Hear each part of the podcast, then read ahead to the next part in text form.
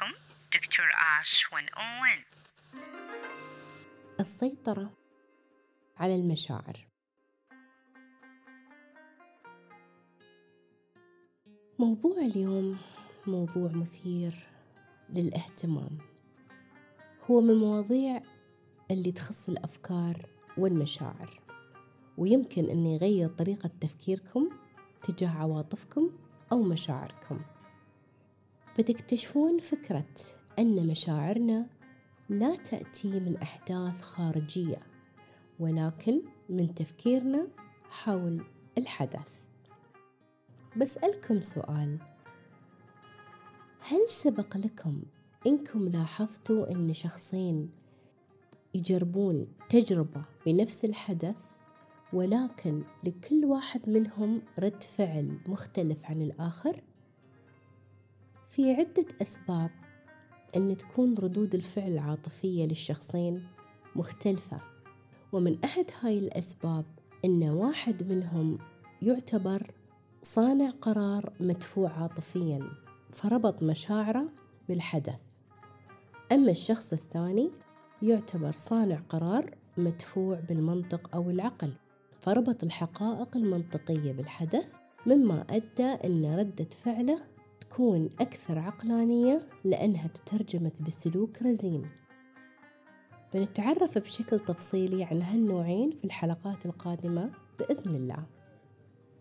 بقولكم موقف صار لي. في يوم من الأيام كان عندي موعد في أحد المستشفيات. فرحت مع صديقتي المستشفى وذاك اليوم كان المستشفى مكتظ. بالمراجعين والمرضى. فقررنا أن ناخذ المصعد الكهربائي عشان نوصل بأسرع وقت للموعد. وصل المصعد الكهربائي وفتح الباب. أول ما دخلنا أنا وصديقتي المصعد الكهربائي سكر الباب بقوة وبعض الأضواء تسكرت. اللي صار أن المصعد توقف عن العمل تماما. لحظتها أنا حسيت بالخوف حسيت بالتوتر بدت ضربات قلبي تتسارع لأني أحس أني أنا محبوسة في مكان مغلق. الشيء اللي بخبركم عنه واللي يعرفونه الناس القريبين مني أني أنا عندي فوبيا من الأماكن الضيقة. يوم أكون في مكان ضيق دائما أحس بالاختناق بالتوتر والضغط يبتدي ينزل عندي بالتدريج. اللحظة اللي حسيت فيها بالخوف والتوتر وأن ضغطي بدأ ينزل تمالكت نفسي للحظة وتذكرت تمرين تعلمته وهالتمرين أطبقه يوم أكون في مكان مغلق أو ضيق. هذا التمرين بسيط ممكن إنكم تنفذونه تمرين كالتالي مثل ما أنا طبقته. غمضت عيوني شوي وركزت على مشاعري لحظتها. اللي هي مشاعر الخوف والتوتر إلى آخره. وبعدها أخذت نفس عميق عميق لأن النفس العميق ينشط العقل الباطن لأنه منبع الأفكار. بعدها بديت أني أتكلم مع نفسي. كنت أني أقول المكان مغلق يعني أنا بأمان وما حد يقدر يأذيني. المكان فيه نسبة أكسجين يعني أقدر أتنفس ما راح أختنق. وهكذا قمت أستجلب الأفكار السيئة وبدلها بأخرى إيجابية. وبالتدريج بدأ الخوف يقل بدأ التوتر يقل بديت أحس شوي باستقرار عاطفي. لما هديت التفت لصديقتي اللي كانت ماخذة زاوية في المصعد الكهربائي. وكانت ماسكة جوالها أو الهاتف الخلوي وكانت تشوف مسلسلها التركي. وطبعا رسمت على محياها ابتسامة حلوة وعطتني بنظرة بما معناها أن بتكونين بخير وكل شيء بيكون بخير. وفجأة فتحت جميع الأنوار في المصعد الكهربائي وفتح الباب يعني وصلت النجدة عشان تنقذنا. اللي أبى أقولكم إياه من هاي القصة إن نحن شخصين مختلفين. وكل واحد فينا كانت له ردة فعل مختلفة. أنا كنت مدفوعة عاطفيا فربطت مشاعري بالحدث أما صديقتي كانت مدفوعة بالمنطق والعقل. فعلى حسب الحقائق المنطقية بالحدث الموجود كانت جدا هادية. أيضا إحساس الخوف اللي كنت أحس فيه كان من التفكير بالحدث نفسه. لكن لحظة فصلت مشاعري عنه وأبعدت مشاعري شوي قلت الأعراض ومن ثم قلت مشاعر الخوف التوتر إلى آخره ليش؟ لأن مشاعري مصدرها الفكرة والفكرة صادرة من التفكير في الحدث نفسه ملخص الموضوع أن مشاعرنا ليست ناتجة عن أحداث خارجية ولكن بسبب تفكيرنا الخاص بالحدث المربوط بعواطفنا أو مشاعرنا. تذكرون في الموسم الأول في الحلقة التاسعة اللي كانت بعنوان المعتقدات ليست أنت. وضحت لكم أن أفكارنا ومعتقداتنا لها تأثير قوي على كيفية تجربتنا للعالم اللي حولنا لأنها تشكل تصوراتنا ومواقفنا وفي نهاية المطاف استجاباتنا العاطفية يعني الشخص المدفوع عاطفيا تصوراته في الأغلب تكون ناتجة من تجارب كان فيها انفعالات مثل الغضب، الخوف، الحزن، حتى الفرح، يعني مشاعر ناتجة عن التركيز بالحدث نفسه، فتحولت الفكرة لشعور. أما الشخص المدفوع بالمنطق أو العقل هو شخص ما فكر بالحدث بل اعتمد طريقة تحليل الموقف. فصار في بعد بين مشاعره والحدث وهالشيء يخليه يبني قراره على المعطيات الموجودة مما تؤدي إلى أن تكون ردة فعله دائما متوازنة وبعيدة عن المشاعر. إذا فهمنا الفرق بين هالنوعين من الناس بيكون سهل علينا نعرف أنفسنا أولا والناس ثانيا. بنقدر نساعد نفسنا وبنقدر نساعد الناس. يعني بخصوص فوبيا الأماكن الضيقة اللي أنا أعاني منها. أنا تفهمت نفسي وعرفت أني مدفوعة عاطفيا فطبقت التكنيك المناسب اللي أنقذني من الموقف وفصلت في مشاعري عن الموقف وقمت أحلل وأحط الأسباب المنطقية. يعني غيرت طريقة تفكيري لفترة قصيرة.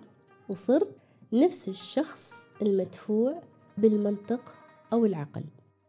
يعني لحظات نحن نحتاج نغير ال mindset الخاص فينا عشان نقدر نسيطر على مشاعرنا ونوصل للنتيجة أو الهدف اللي نبغيهم.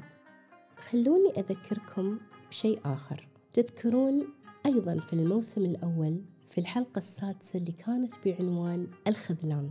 شرحت لكم أن شعور الألم بالخذلان حسينا فيه لأن صار ارتباط بين المشاعر والموقف. فصرنا يوم نتذكر الموقف نحس بالألم مع أن لو فصلنا شوي المشاعر للحظة وفكرنا بالأسباب المنطقية اللي أدت لحصول موقف الخذلان كنا بنتخذ قرارات أفضل وكانت مشاعرنا السلبية بتكون أقل.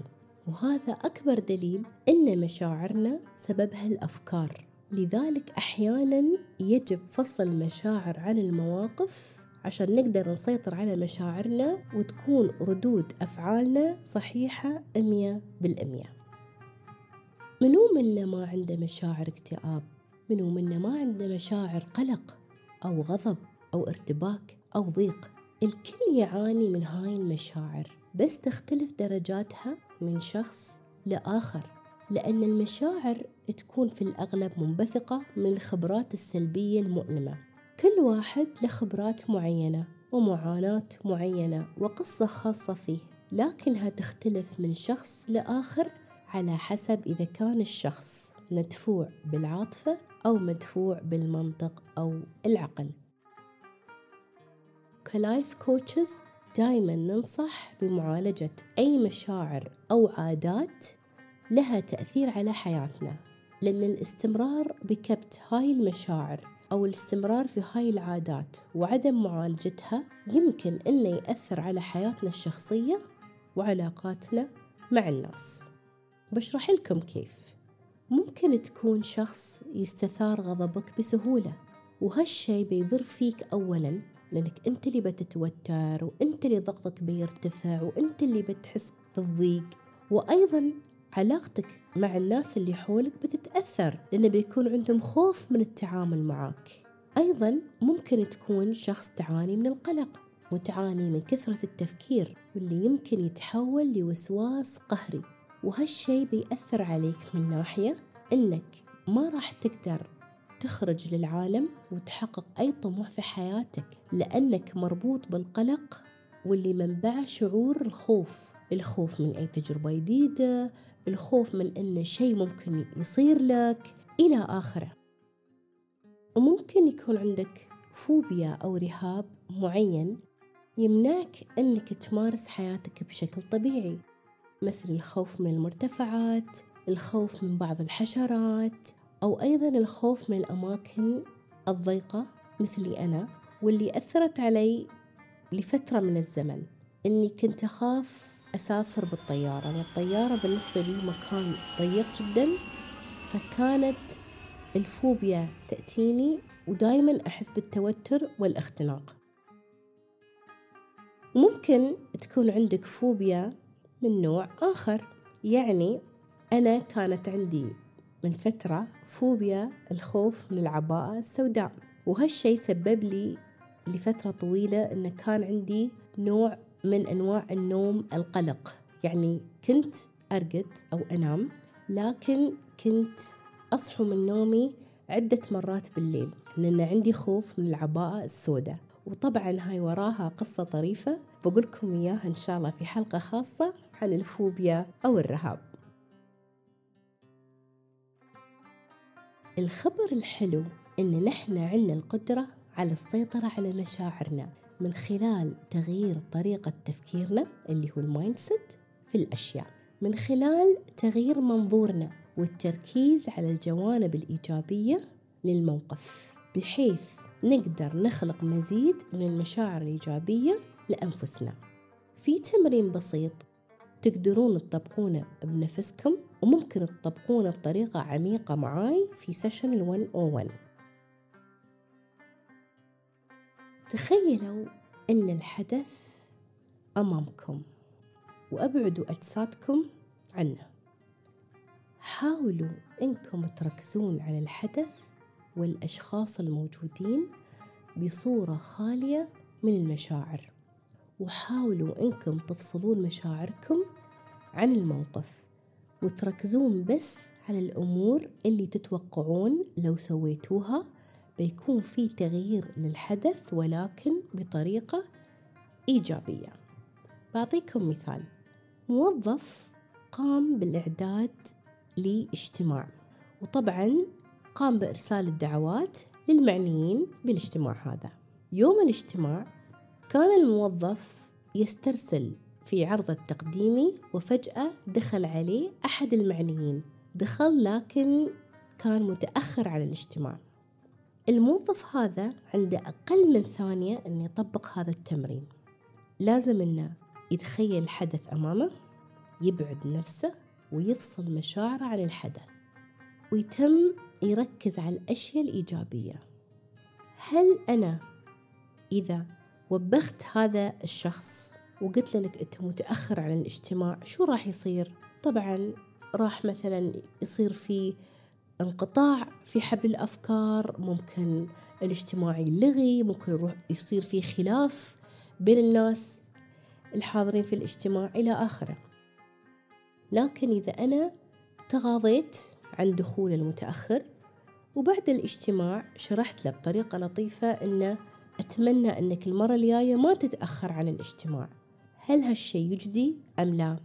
بهالطريقة التوتر لحظة أن الشخص دخل متأخر عليه في الاجتماع بيقل وبالتالي بيختار الموظف ردة الفعل الأفضل هالتمرين ما يعني أنكم تتجاهلون مشاعركم بل المهم الاعتراف بمشاعركم سواء كانت إيجابية أو سلبية ومع ذلك بيساعدكم التمرين أنكم تغيرون نمط تفكيركم وبتنشؤون تجربة أو ردة فعل أكثر توازن وإرضاء. حد منكم بيسألني سؤال.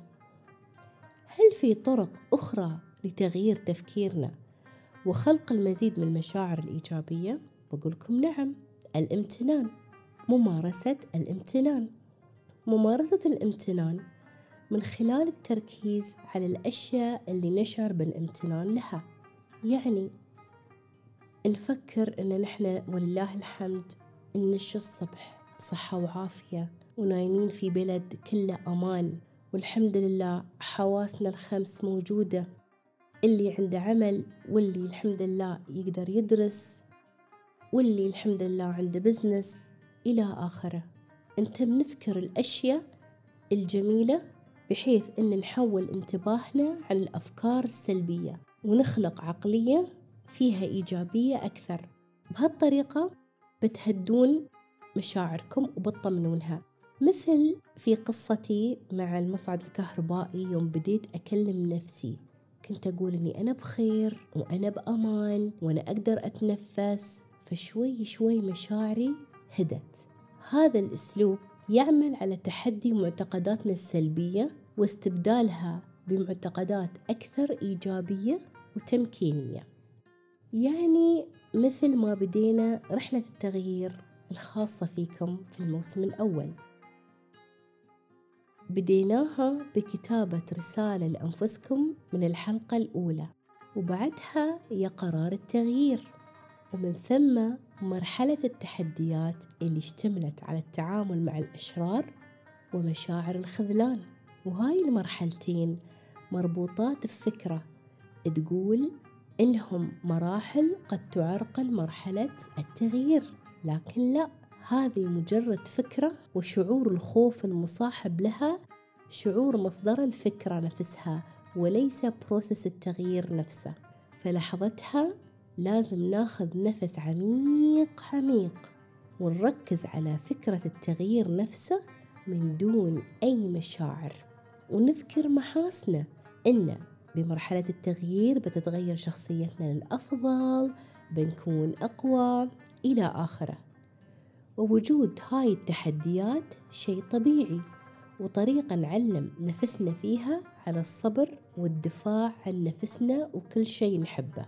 وشوي شوي بتحسون إنكم تعايشتم مع مشاعركم مثل ما شرحت لكم في حلقة تحرير المشاعر. التعايش مع المشاعر والتركيز عليها. وهالشي بيؤدي إن مشاعر الخوف اللي عندكم من رحلة التغيير بتقل وبالتالي راح تختفي. تذكروا إن أفكارنا لها تأثير قوي على مشاعرنا وأن المشاعر تأتي من أفكارنا وليس من الأحداث الخارجية. ومن خلال تغيير طريقة تفكيرنا في الأحداث وفهم مشاعرنا بشكل أعمق بنقدر نسيطر على مشاعرنا ونخلق حياة أكثر إيجابية وإرضاء لأنفسنا. وانهي بودكاست اليوم؟ إني أتمنى لكم يوم سعيد وأتمنى أنكم استمتعتم بالموضوع. ولا تنسون تتواصلون معاي بخصوص أي أفكار أو أسئلة أو مواضيع حابين إني أتكلم عنها ولا تنسون تقيمون الحلقة وتقيمون قناة بودكاست دكتور آش 101 مع محبتي لكم تحياتي.